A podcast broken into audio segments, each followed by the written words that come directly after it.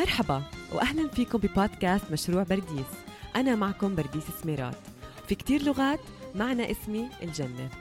في هذا البودكاست رح أشارككم شو عم بتعلم من الكتب اللي بقرأها وكيف حياتي عم تتغير للأفضل بسببها. وإنتو كمان لما تسمعوا مشروع برديس حياتكم برضو رح تتغير. ومش بس هيك. في هذا البودكاست رح أشجعكم وألهمكم لحتى تديروا بالكم على حالكم وسعادتكم أولا لحتى تقدروا تخدموا الآخرين وتقوموا بمهمتكم اللي انتو هون عشانها. وممكن هيك إن شاء الله أرتقي لمعنى اسمي وأساعدكم تخلقوا مشروع جنتكم الصغيرة على الأرض هلأ. جاهزين نبدأ؟ يلا.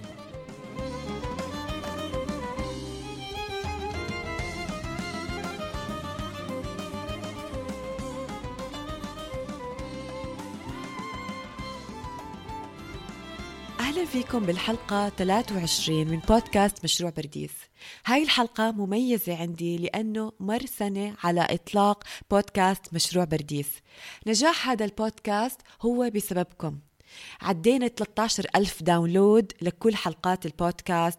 وحسب Player FM بيقول إنه عدد المشتركين تجاوز ال 1400 مشترك بهذا البودكاست. وأنا كتير سعيدة لإنكم عم تختاروا تقضوا وقتكم الثمين معي أنا. عم تسمعوا هذا البودكاست عشان تستفيدوا عشان تتعلموا وتطوروا من حالكم وتغيروا حياتكم للأفضل وتخدموا اللي حواليكم زي ما نقول دائما في بداية البودكاست. شكرا لكم على الوقت اللي بتقضوه معي أنا كتير ممتنة لوقتكم. بشكركم من قلبي. على الاستماع على الحماس على المشاركة. بتمنى نضل مع بعض وتستفيدوا من هاي الرحلة الصوتية اللي فيها عم بشارككم كل الأشياء اللي عم بتعلمها. حلقة اليوم هي الجزء الرابع من مناقشة كتاب العادات الذرية. وإن شاء الله تكونوا عم تستفيدوا. حلقة اليوم رح أغطي فيها القانون الأول لبناء العادات اللي فيها رح تعرفوا كيف نبني عادات جديدة وكيف نخفف أو نتجنب العادات السيئة. وبرضو عن تأثير البيئة على عاداتنا بالإضافة إلى موضوع ضبط النفس وكيف نقوي ضبط النفس إذا قدرنا نقوي في مقولة كتير حلوة للكاتب كارل يونغ بيحكي فيها لحد ما نخلي اللاوعي عنا واعي رح يضله يسير حياتنا ونقول عنه القدر. هون بدي أدخل معكم في باب إنه قد إيه من عاداتنا صارت إشي لا واعي عنا. بنعمله وإحنا مو عارفين بشكل أوتوماتيكي. ليش؟ لأنه مع الوقت المؤشرات لبداية العادات صارت جزء من بيئتنا بشكل إنه مش شايفينها وبنبدأ العادة وإحنا مش حاسين. يعني الريموت على الكنباية هاي مؤشر صار جزء من حياتنا اليومية ما بنلاحظه لأنه صار عادي في حياتنا. فعشان نبلش نغير عاداتنا بدنا نلاحظها بدنا نجعلها واضحة بدنا نخليها واعية. عشان نفهم كيف نخليها واعية بدنا ناخد مثال من قطارات اليابان. قطارات اليابان بيستخدموا طريقة اسمها الإشارة والنداء point and name أو point and call. وبعدوا يحكوا قبل ما تطلع القطارات بعدوا يشوفوا الداشبورد تاعهم بعدوا يأشروا على كل إشي قبل ما يطلعوا. ويشيكوا الرصيف برا قبل ما يطلعوا. مثلا ضوء أخضر البريك جاهز. كل إشي بأشروا عليه وبيحكوا بصوت عالي شو هو لأنه قد ما انطلقت القطارات وصار الإشي تكرار صار في أخطاء كتير وصار في حوادث.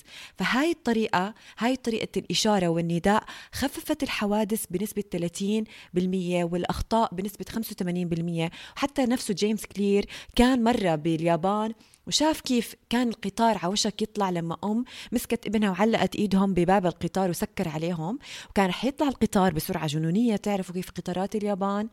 لكن لأنه الشخص اللي برا الرصيف عمل ال check تبعه فقال لهم stop وقفوا وما طلعوا. فأنتوا كمان تذكروا أنا هلأ من بعد ما قرأت الكتاب صار لي فترة بعمل هاي الطريقة اللي هي point and name فقبل ما أطلع من البيت قد ما إحنا بنطلع دائما نفكر إنه كل مرة نطلع نفس الإشي ورح أتذكر كل إشي آخده. لكن مرات مثلا آه بلاحظ إني بنسى أشياء مهمة. فصرت قبل ما أطلع من البيت أحكي بصوت عالي إيش الأشياء اللي معي تليفوني سماعتي ساعتي آه محفظتي مصارية لأنه مرات مصارية بحطهم مش محفظتي هاي غلطة مني. أكلي كتبي فبحكيهم بصوت عالي قبل ما أطلع مفاتيحي. هاي الأشياء عشان ما أنساها لأنه عشان أوعي حالي إنه كل الأشياء معي وما ننساها. فهاي الطريقة بتساعدنا. وبشبه هاي الطريقة الإشي اللي بدنا نحكي لكم عنه هلأ. مين هم إحنا؟ الإشي اللي بدي أحكي لك. الإشي اللي بدي أحكي لكم. عنه هلا اللي هو ال habit score card اللي بسميها جدول تسجيل العادات. هي ورقة فاضية بدكم تسجلوا فيها عاداتكم من استيقاظكم من النوم لحد نهاية اليوم. بدكم كل عادة بتسجلوها تحطوا جنبها إشارة يا موجب يا سالب يا يساوي. يعني صحينا من النوم عادي neutral محايدة فبتحطوا إشارة آه، محايد جنبها. مثلا أخذت شاور إشي إيجابي. آه، شيكت تليفوني أول ما صحيت إشي سلبي. فكيف بدنا نعرف حكينا بالحلقات الماضية كيف بدنا نعرف هذا إشي إيجابي أو هذا إشي سلبي؟ لأنه على المدى الطويل هذا الإشي بنعرف إذا بيخدمنا على المدى الطويل معناته هذا إشي إيجابي وإذا ما بيخدمنا على المدى الطويل معناته إشي سلبي. فهيك بدنا نبلش نطلع على عاداتنا من استيقاظنا من النوم كل شيء بنعمله ونشوف نسلط ضوء الوعي عليها عشان نعرف شو الأشياء اللي نكررها كل يوم بشكل دائم. وطبعا العادات إيجابية كمان أو سلبية بتعتمد على ظرفك. فمثلا إذا أنت بدك تبني عضلات ممكن إنه تاكل إشي فيه مثلا بينت آه، باتر الصبح هذا منيح لإلك. لكن إذا أنت بدك تخفف وزن وهيك ممكن أكل هذا نفس الأكل رح يكون يضرك. فبدنا ننتبه إنه حسب ظروفنا حسب أهدافنا العادات اللي بنعملها الصبح أو بنعملها خلال يومنا بتأثر علينا. فهاي أول طريقة جدولة العادات تاعتنا. بهاي الطريقة بنعرف شو الأشياء اللي بنعملها. بطل إنه نعملها بشكل لا واعي عرفنا مثلا أنا أول ما أوصل البيت بفتح التلفزيون.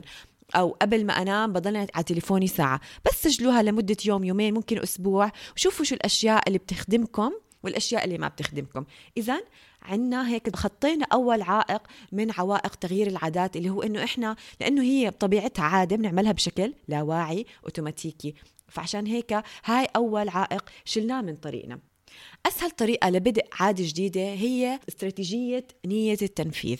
نية التنفيذ أو implementation intention نية تنفيذ العادة. عملوا دراسة قالوا لناس إنه بدنا تصيروا تعملوا رياضة أكثر فحابين نشوف قد إيه بنعملوا رياضة بالفترة الجاي. كانت الدراسة شملت 248 شخص بعام 2001 عملوا هاي الدراسة. فبدي يشوفوا يتبعوا عاداتهم الرياضية لأسبوعين. كان في ثلاث مجموعات المجموعة الأولى دائما بسموها ال control group اللي هي ولا بيعملوا معهم إشي ولا ولا بيحكوا لهم إشي عشان يشوفوا طبيعيا الناس قد إيه بتعمل رياضة. المجموعة الثانية بس ورجوهم هيك مادة إنه قديش بتفيد بتفيدكم الرياضة وقد إيه بتحسن من صحتكم وطلبوا منهم يتبعوا عاداتهم الرياضية للأسبوعين القادمين. أما المجموعة الثالثة برضو ورجوهم نفس المواد التحفيزية عن الرياضة لكن طلبوا منهم يقولوا متى رح يعملوا رياضة وين رح يعملوا رياضة. يعني قالوا لهم أنتم رح تعملوا رياضة الأسبوع الجاي. احكوا متى؟ أي وقت أي يوم أي ساعة؟ وين رح تعملوا رياضة؟ ولاحظوا شو صار. اللي صار إنه 90% من المجموعة الثالثة اللي خبرت متى ناويين يعملوا رياضة وين ناويين يعملوا رياضة فعلا عملوا رياضة. بينما المجموعة الثانية اللي بس طلبوا منهم تعملون تراكنج لعادة الرياضة تاعتكم بعد ما تخلصوها بس 38% منهم عملوا رياضة. تخيلوا قد إيه مفيد هذا الإشي. تخيلوا قد إيه فرق معهم. حتى الناس اللي رايحين يعملوا تصويت بأمريكا جربوا هاي الشغلة إنه اللي بدهم يشجعوهم على التصويت يقولوا لهم متى رح تروح تعمل تصويت؟ مع مين رح تكون؟ أي طريق رح تاخذ كل ما كنت محدد بتنفيذك لخطة العمل تاعتك للعادة الجديدة هذا الإشي أسهل إشي يساعدك تبدي عادة جديدة. فمثلا أنا من الأشياء اللي كنت حابة أعملها هاي السنة إنه أكتب أكثر وأكتب كل يوم بمدونتي blog post كل يوم. طيب حلو عادة جديدة بدي أعملها. فحطيت لها بعدين نية تنفيذ. متى بدي أكتب؟ وين بدي أكتب؟ okay؟ فقررت إنه متى بدي أكتب الصبح وين بدي أكتب؟ أول ما أوصل على مكتبي بكتب blog post تبعي لمدة نص ساعة لأنه يعني بوصل أبكر وبالتالي معي وقت أكتب قبل بداية الدوام الرسمي. فهيك حددت مكان تعيش فيه العادة وتنمو هاي العادة. إذا ما حددتوا مكان وزمان العادة أنتم أقل آه، نسبتكم لتحقيق هاي العادة. إذا نية التنفيذ هي استراتيجية جدا جدا جدا فعالة لتحقيق عادة جديدة. شو معادلة نية التنفيذ؟ احفظوها منيح. معادلة نية التنفيذ هي رح أعمل العادة الجديدة بالوقت اللي منحدده في المكان اللي منحدده. إذا هاي هي المعادلة. لما تقولوا بدكم تعملوا عادة جديدة حددوا الوقت تاعها وحددوا المكان تاعها. هدول العاملين رح يساعدوكم يحققوا هاي العادة. في كمان إشي بنبنى على نية التنفيذ. نية التنفيذ مبنية على المكان والزمان. لكن في طريقة تانية نستغل أشياء اوريدي بنعملها بسموها habit stacking هو habit stacking أو كيف بتصفطوا الأواعي قطعه فوق الثانية أو كيف بتصفطوا كتب واحد ورا الثاني هاي هي عبارة عن تصفيط العادات فوق بعض عادة موجودة بنضيف عليها عادة جديدة. وهاي لسه يمكن آه، أحلى وأفضل وأسهل تتذكروها من نية التنفيذ المربوطة بالمكان والزمان. إذا شو معادلة ال habit stacking أو ترتيب العادات؟ المعادلة بتقول بعد ما أنهي العادة القديمة رح أعمل العادة الجديدة. فإذا بعد ما أفرش أسناني رح أخذ vitamins إذا على أساس ال vitamins هي العادة الجديدة. بعد ما أعمل فنجان القهوة رح أعمل تأمل. بعد ما أوصل على البيت رح ألبس shoes رياضة عشان أطلع أمشي. هيك بتكونوا عم تبنوا عادات الجديدة بناء على أشياء already موجودة عندكم. عشان تصير أسهل عليكم اعملوا جدولين بالعادات اللي بتقوموا فيها بشكل يومي بلا استثناء ودخلوا العادات الجديدة اللي بدكم إياها شوي شوي. يعني كيف عادات بتقوموا فيها بلا استثناء. يعني كل يوم بتصحوا كل يوم بتفرشوا اسنانكم كل يوم بتشربوا قهوة كل يوم بتطلعوا من البيت كل يوم بتوصلوا على البيت كل يوم بتركبوا بالسيارة بتنزلوا من السيارة كل يوم بيجيكم تليفون بتشربوا كاسة مي. هاي العادات اللي بتعملوها كل يوم بتقدروا تبنوا عادات فوقيها جديدة. مثلا عشان بدكم تقرأوا أكثر في الليل بتقولوا بعد ما أرتب تختي الصبح رح أحط كتاب اللي بدي أقرأه بالليل. فهيك بتذكروا حالكم إنه رح تقرأوا هذا الكتاب بالليل لما حطيتوه الصبح. مثال تاني عشان بدي أطور عادة الامتنان. بقول أول ما أقعد آكل رح أتذكر إشي أنا ممتنة لإله وأشكر عليه. أو قبل ما أنام بالليل رح أتذكر إشي واحد جيد صار معي اليوم وأشكر عليه. مثال تاني أول ما أوصل على الشغل رح أقرأ خمس دقايق في كتابي عشان أطور عادة القراءة. عشان أرتب البيت مثلا عادة تاني أول ما أخلص صحني رح أحطه في الجلاية على طول. كل هاي العادات هي عم نبنيها على أشياء عم بتحدث يوميا بشكل أوتوماتيكي أو بشكل طبيعي. فإحنا بنبني عادة جديدة وبندخلها باشياء الموجودة. أو ممكن نطلع إيش في أشياء بتصير باليوم بشكل دائم بلا استثناء. مثلا لما تشرق الشمس لما تغرب الشمس. سماع أغنية هيك أشياء بتصير already كل يوم بيومكم. فهاي ممكن برضو تضيفوا عاداتكم جديدة وتدخلوها تدريجيا عليها.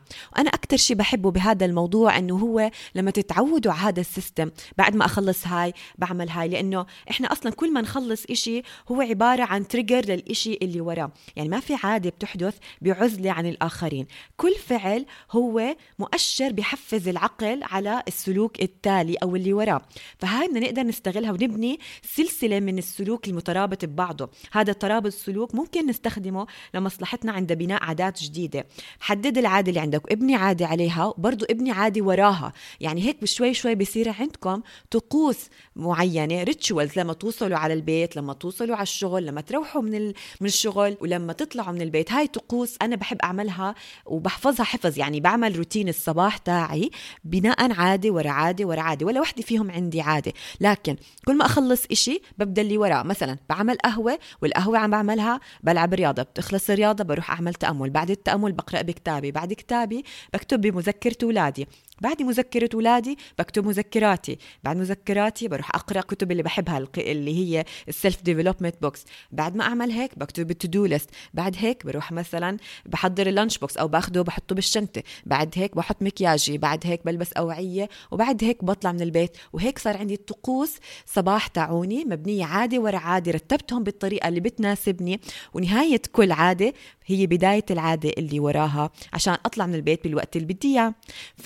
ف تقدروا تعودوا حالكم إنه عادي يعني ارسموا يومكم بهاي الطريقة وارسموا طقوس معينة مثل بداية النهار بداية العمل نهاية العمل ونهاية اليوم بهاي الطريقة وعيدوهم بشكل كتير حتى يصيروا عادي ما تفكروا فيهم. يعني أنا لهلأ بلاحظ إني فاشلة بالايفنينج روتين تاعي لأنه مش قدامي مش واضح. ما بعرف إنه مثلا إنه آه، كتبته مرة بدفتري ما بضلني أقرأه كل يوم أو أطبقه كل يوم لأنه موجود بأجندتي. فقررت إنه لازم أكتبه واحطه مكان واضح في البيت عشان أول ما أوصل أعرف إيش ترتيب يومي. فبنسى step مثلا مرات بمشي مرات لا. مرات بنقي أوعية لتاني يوم مرات لا. مرات بعمل ال lunch box مرات لا. لأني ما حددت له مكان وزمان أو ترتيب. ايمتى أعمل ال lunch box أول ما أوصل ولا بعد ما أتغدى ولا بعد ما أدرس الأولاد ولا قبل ما أدرس الأولاد حددته هذا الحكي بس ما طبقته أو ما طلعت عليه كثير وما كررته لحد ما صار عادة.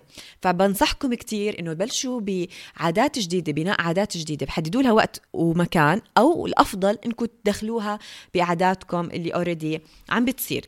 ومرات العادات مش مربوطة بمكان وزمان أو بإشي آه، واحد ثابت لا هي مربوطة بسياق كامل. هاي الغرفة غرفة ال TV مثلا بتصير. يعني ما بتلاقوا حدا بيقرأ بهاي الغرفة بهذا البيت لأنها هاي غرفة ال TV. أو كان إلي صاحبة دائما بتشرب آه، شاي أخضر بعد الغداء بالشغل. بقولها يا الله مش معقول. قد إيه بتحبي الشاي الأخضر؟ بتقولي بتصدقي إنه أنا بال weekend ما بدوقه للشاي الأخضر. معناته كانت عادة الشاي الأخضر مش مربوطة بس بالشغل مربوطة باكثر من شغلة سياق بسميه جيمس كلير ال context كثير مهم أو البيئة اللي أنتم فيها كثير مهمة. يعني هي خلص بتخلص ال lunch break تاعتها وهي بالشغل الطقس تاعها بعد ما تخلص الغداء في الشغل بتروح تعمل كاسة شاي أخضر وبتشربها وهيك العادة الشاي الأخضر مش مربوطة بس بالغداء فبالتالي لو هيك كان عملتها في البيت. لا مربوطة برضه بالشغل بمكان الشغل. يعني لو بدكم تشربوا مي أكثر وزعوا كاسات مي ببيتكم أو وزعوا قناني مي في بيتكم. وهذا اللي صار بتجربة عملوها وحكى عنها بالكتاب إنه بدهم يزيدوا الأكل الصحي بكافتيريا إحدى المستشفيات. فشو عملوا؟ بدأوا بموضوع المي. وزعوا قناني مي بكل الكافتيريا جنب كل مكان فيه food station أو أكل حطوا سلة فيها علب مي. وبنفس الوقت الثلاجة اللي جنب الكاش حطوا المي قدام والمشروبات الغازية ورا.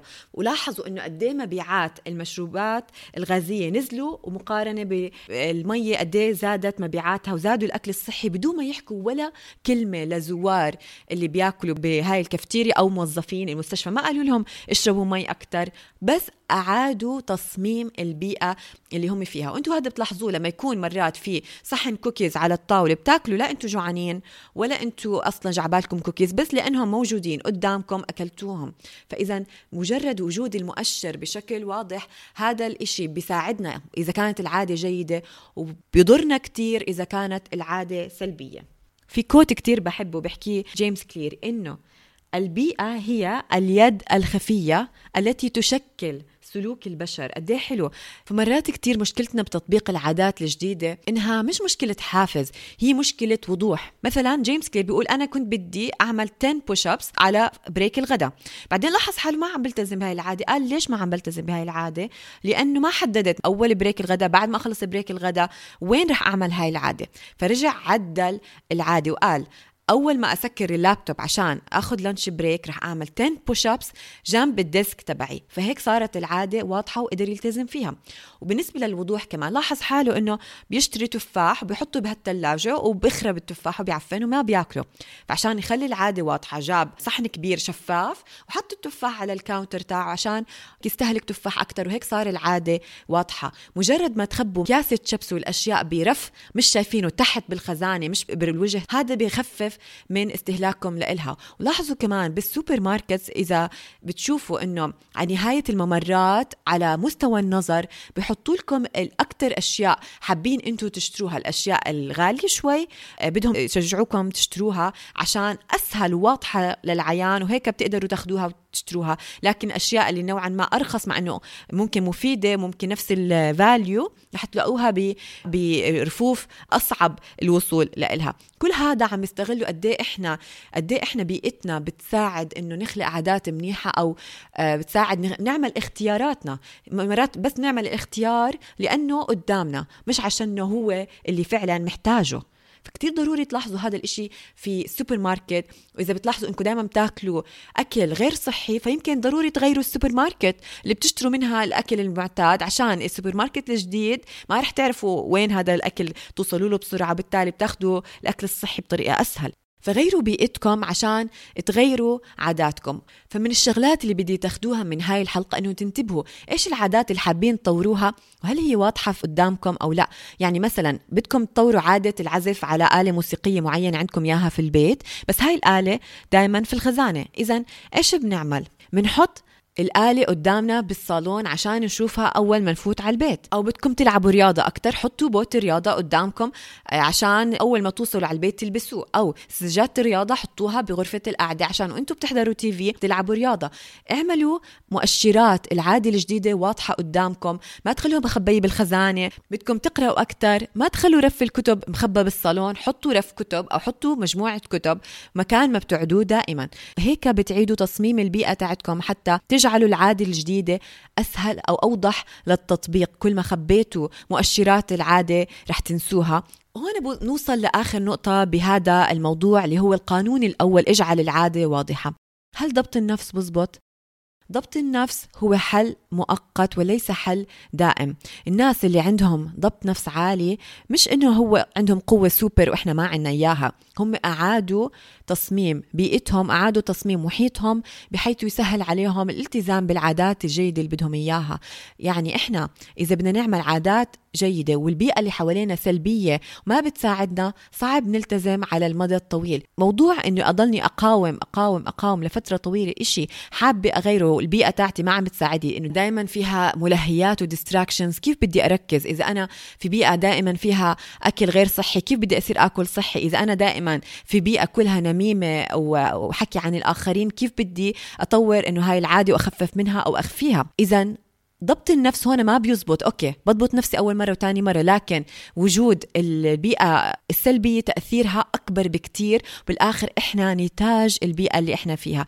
عشان هيك بتلاحظوا قد إيه كان صعب على الناس تشتغل من البيت بفترة الحجر. Working from home كان صعب لأنه المكان اللي كنت آكل عليه مثلا كاونتر المطبخ صار نفسه المكان اللي بشتغل فيه. أو غرفة القعدة أو الكنباية اللي كنت أقعد عليها أحضر تلفزيون صارت نفسها اللي بقعد عليها بشتغل أو بشيك إيميلي. فكان هذا من أهم أسباب صعوبة العمل من البيت. بالإضافة إلى أنه ما في حدود بين وقت العمل ووقت البيت. أو وقت الشخصي في البيت. مثلا الساعة خمسة لا تعني لك شيئا لأنك أنت لساتك في نفس المكان ما انتقلت من مكانك. عشان هيك اللي خصصوا مكتب معين أو زاوية معينة في بيتهم للعمل فقط كتير نجحوا أكتر في نفصل بين وقت العمل والوقت الشخصي في البيت لأنه المكان كامل ما تغير السياق كامل هو وقتي الشخصي. لكن لما خصصت زاوية معينة للعمل صار الشغل بيصير بهاي الزاوية وحياتي الشخصية بتصير في باقي البيت وهيك بيكون أسهل علينا ننتقل من الشغل للبيت. لما أقوم عن الديسك هاد يعني أنهيت عملي. لذلك كتير مهم إذا انتقلتوا لبيت جديد لبلد جديد لشغل جديد إذا في عادات جديدة حابين تطوروها هلأ وقت تبدوا فيها لأنه المؤشرات القديمة كلها اختفت. فبالتالي بتقدروا تبنوا عادات جديدة بناء على السياق الجديد اللي أنتوا فيه. إذا صعب كتير تنتقلوا لبيئة جديدة بالكامل. أعيدوا تشكيل بيئتكم الحالية أو أعيدوا ترتيبها. زي ما حكيت لكم هلأ إنه اخلقوا مساحة منفصلة للشغل للدراسة للتدريب للترفيه للطبخ. وفي جيمس كلير بيستخدم شعار كتير حلو بيقول one space one use. كل مكان في البيت له استخدام واحد. فقط. مساحة واحدة استخدام واحد. حتى اللي بيوتهم كتير صغيرة بيقدروا يخصصوا هاي الكنباية للقراءة هذا الكرسي للدراسة هذا هاي المخدة للتأمل مثلا. بنقدر نعمل هيك حتى لو غرفتنا كتير صغيرة وبس هي المكان اللي بنقدر فيه نقوم بالعادات اللي إحنا حابين نقوم فيها. وأيضا تجنبوا قد ما بتقدروا خلط سياق كل عادة بسياق عادة تانية. عشان هيك تعددية استخدام التكنولوجيا اللي موجودة على تليفوننا بتصعب هذا الموضوع. تليفوننا ممكن يكون عليه منتجين من شيك إيميلنا لكن ممكن نلتهي كتير فيه من شيك وسائل التواصل الاجتماعي من شيك الفيديو جيمز تاعتنا. عشان هيك بصير عندنا شو؟ تضارب في الإشارات. ولذلك التليفون صعب مرات إنه نخصصه لإشي واحد. فبيحكي في كاتب بيعرفه مخصص مثلا جهاز الكمبيوتر للكتابة لأنه كاتب جهازه التاب التابلت للقراءة والتليفون لأغراض وسائل التواصل الاجتماعي والتواصل مع الآخرين وإرسال الرسائل. فكل عادة بالنسبة له لهذا الكاتب خصص مكان لإلها. معناته البيئة المستقرة كل إشي فيها مكان خاص هي البيئة اللي يمكن فيها للعادات أن تتشكل بسهولة. فبالنسبة لضبط النفس الموضوع موضوع تحكم في البيئة اللي أنتم فيها لأنه الخبر الحلو أنه بنقدر نغير البيئة وبالتالي نغير العادات والخبر اللي مو كتير حلو أنه العادة المغروسة في الدماغ بتكون جاهزة للاستخدام أول ما يطلع الموقف اللي له علاقة فيها لأنه مجرد ترسخت فينا الدافع لفعل هاي العادة أو الاستجابة إلها بيطلع كل ما ظهرت الإشارة من البيئة المحيطة حوالينا. فإحنا نقدر نكسر عادة لكن من غير المرجح إنه ننساها. ولذلك مقاومة الإغراءات الموجودة في بيئتكم هي استراتيجية غير فعالة. عشان هيك ضبط النفس اللي قلت لكم هلأ. بنفع على المدى القصير لكن ما بيزبط لتغيير العادات على المدى الطويل. والحل شو هو؟ قلل تعرضك للإشارات اللي بتتسبب بالعادات السيئة. فإذا أنت مو قادر تركز بشغلك اترك تليفونك في غرفة تانية لعدة ساعات حتى تنهي شغلك. إذا كنتوا دايما مش مبسوطين من حالكم مش حابين حياتكم توقفوا عن متابعة حسابات التواصل الاجتماعي اللي بتستثير في داخلكم مشاعر الغيرة من الآخرين. وإذا كنتوا بتصرفوا مصاري كتير على الأجهزة الإلكترونية بلكن إنه لا صار لازم الوقت توقفوا تقرأوا reviews أو مراجعات عن أحدث الأجهزة الإلكترونية. وإذا بتاكلوا كتير بلكن إنه توقفوا following ال food bloggers عندكم على الانستغرام وبالتالي إنه أنا طول الوقت ببالي أكل وجعبالي أكل وبشتهي أكل. وهيك بيكون طبقنا النسخة العكسية من القانون الأول لتغيير السلوك. فبدلا منه نجعل الإشارات واضحة اجعل الإشارات خفية. وهاي ما بتتخيلوا قد إيه بتنجح في تغيير العادات السلبية اللي عنا. فبدل من انه نضيع طاقتنا وإحنا نقاوم العادات السلبية ابذلوا طاقتكم في تحسين البيئة المحيطة فيكم. هذا هو سر ضبط النفس الحقيقي. خلي الإشارات الخاصة بعاداتك الحسنة واضحة والإشارات الخاصة بعاداتك السيئة خفية.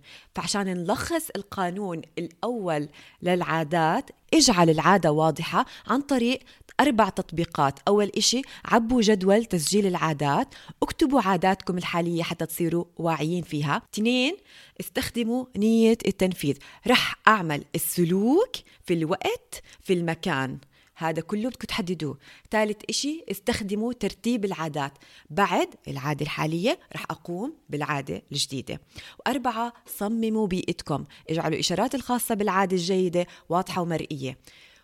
عشان نتخلص من عادة سيئة بنعكس القانون الأول اجعلها خفية. والتطبيق تاعها قلل التعرض للعادات السيئة بإخفاء الإشارات الخاصة بالعادة السيئة من بيئتك.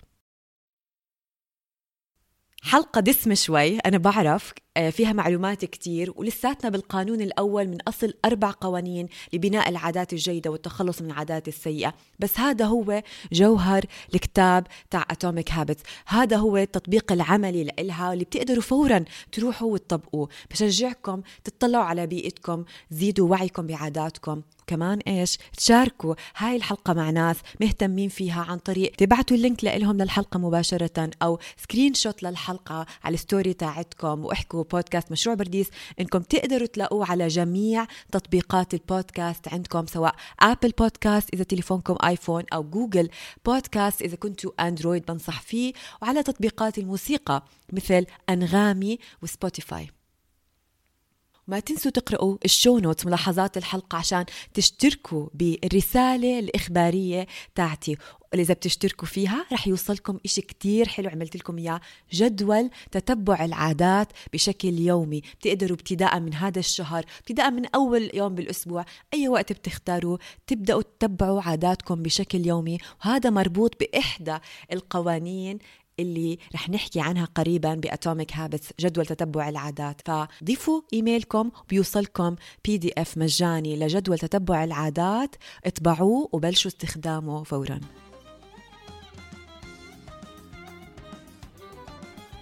شكرا كثير لأنكم هون ولحسن استماعكم. كانت معكم برديس سميرات ضمن مشروع برديس. بلتقي فيكم بالحلقة الجاي.